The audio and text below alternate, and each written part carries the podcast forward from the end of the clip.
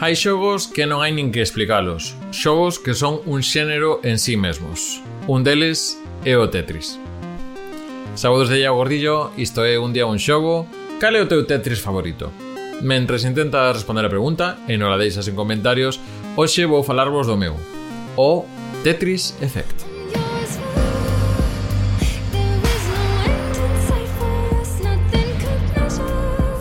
Tetris Effect é unha das últimas entregas de Tetris. Saiu no 2018 e foi desenvolvida polos estudios japoneses Monsters e Resonair e publicado por Enhanced Games. O xogo saiu inicialmente pensado para ter soporte para dispositivos de realidade virtual, sendo exclusivo primeiro na PlayStation 4 e chegaría a Windows e resto de plataformas nos seguintes tres anos cunha revisión chamada Tetris Effect Connected. Isto inclúe até plataformas como Amazon Luna e a realidade virtual 2 de PlayStation na PlayStation 5.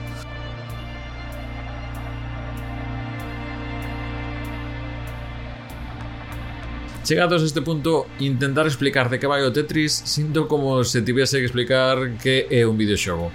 Pero por se alguén levou un croque como a personaxe de Tony Cantó en Sete Vidas, aí vai. Tetris é un videoxogo de creva cabezas creado no ano 1985 por Alexei Pajitnov, que consiste en colocar nunha zona de xogo unha serie de pezas formadas por catro cadrados, chamados tetraminós, Estas pezas hai que colocalas de tal maneira que formemos filas con elas que irán desaparecendo, xa que se non logramos facer estas filas, as pezas amoreanse ata chegar a unha altura límite na que perderemos. As sete pezas posibles, coñecidas pola súa similitude con distintas letras, son a peza I, ou o paulongo, a barra, que sería a peza máis prezada, a O, ou o cadrado, a T, que son tres bloques en fila e un baixo central, a Iota e a L, que son o mesmo deseño pero espellado, e as pezas S e Z, que eu lle chamo as cadeiras, pero non creo que sexa unha denominación que este expandida.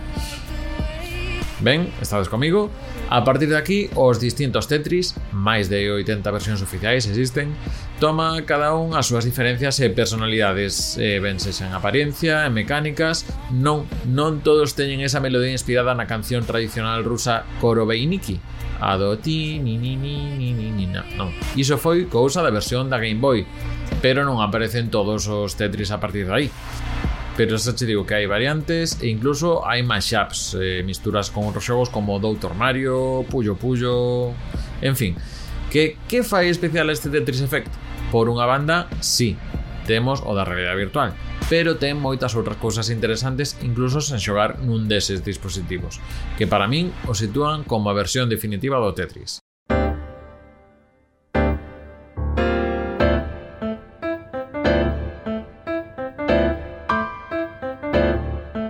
Por unha banda temos o modo viaxe, un modo no que temos que ir facendo un número determinado de liñas e que serve como escaparate para plasmar a personalidade e espectacularidade do apartado musical e visual. Xogaremos en tabuleiros de Tetris con pezas de distintas formas e cores adaptadas aos fondos que nos levarán ás profundidades mariñas, a un ritual de lume, a unha vibrante cidade chea de jazz, a flotar entre as galaxias. Este apartado acompáñase con música e efectos de son na que con cada momento que fagamos pertencerá a unha instrumentación que encaixa coa música que está a soar. Co cal, somos nós quen está creando esa propia melodía e sons. A cousa non queda aí, xa que a medida que vayamos avanzando na fase e facendo liñas, a canción irá crecendo e a parte visual tamén acompañará. É unha experiencia moi satisfactoria e que pode ser incluso relaxante ou exixente. Para iso están os distintos niveis de dificultade por se queredes ter maior ou menor desafío neste modo.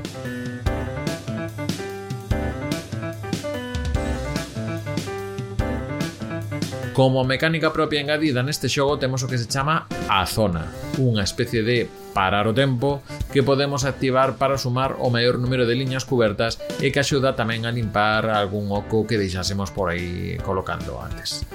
Unha mecánica que aparece tamén nos modos multixogador, nos que temos un modo batalla no que imos mandándolle liñas de lixo ao rival, eh, canto mellor o fagamos, e un modo conectado cooperativo no que entre tres xogadoras temos que eliminar a un inimigo controlado pola máquina que nos poñerá obstáculos como impedir rotar as pezas, pezas xigantes, mover as pezas que xa tiñamos postas e provoca momentos tamén moi moi satisfactorios. No multixogador tamén temos modos de puntuación clásico, incluso incluso unha versión coas regras da NES, nas que aí as pezas, como no tute, peza na mesa, pesa.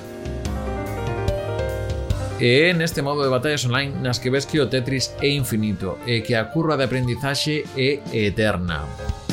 Porque notas que vas mellorando, incluso deixas o xogo uns meses, volves e dis que divertido e incluso sintes que melloraches. Non sei como explicalo, pero eh, algo pasa aí. Completan os modos disponibles outra serie de desafíos pequenos asociados a distintos estados, como concentración, relaxación, que serven tamén para mellorar en diferentes mecánicas que podemos aplicar nunha partida normal de Tetris como aprender a facer combos ou colocar unha determinada serie de pezas da maneira máis eficiente. E, por último, e como curiosidade, o nome do xogo vende unha cousa que existe, o termo efecto Tetris, que é algo que se emprega para referirse a situacións nas que unha persona lle dedica tempo e atencións exageradas a unha actividade ao nivel que eclipsa e entra noutros ámbitos da vida.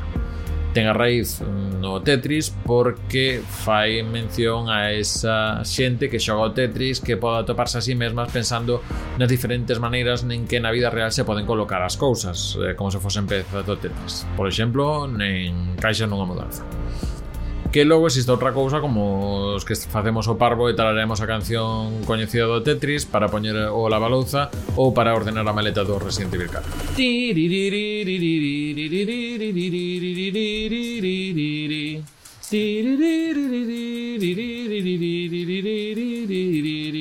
Isto é Un día un xogo, o micropodcast de Recuncho Gamer que tes en YouTube, Spotify e máis plataformas.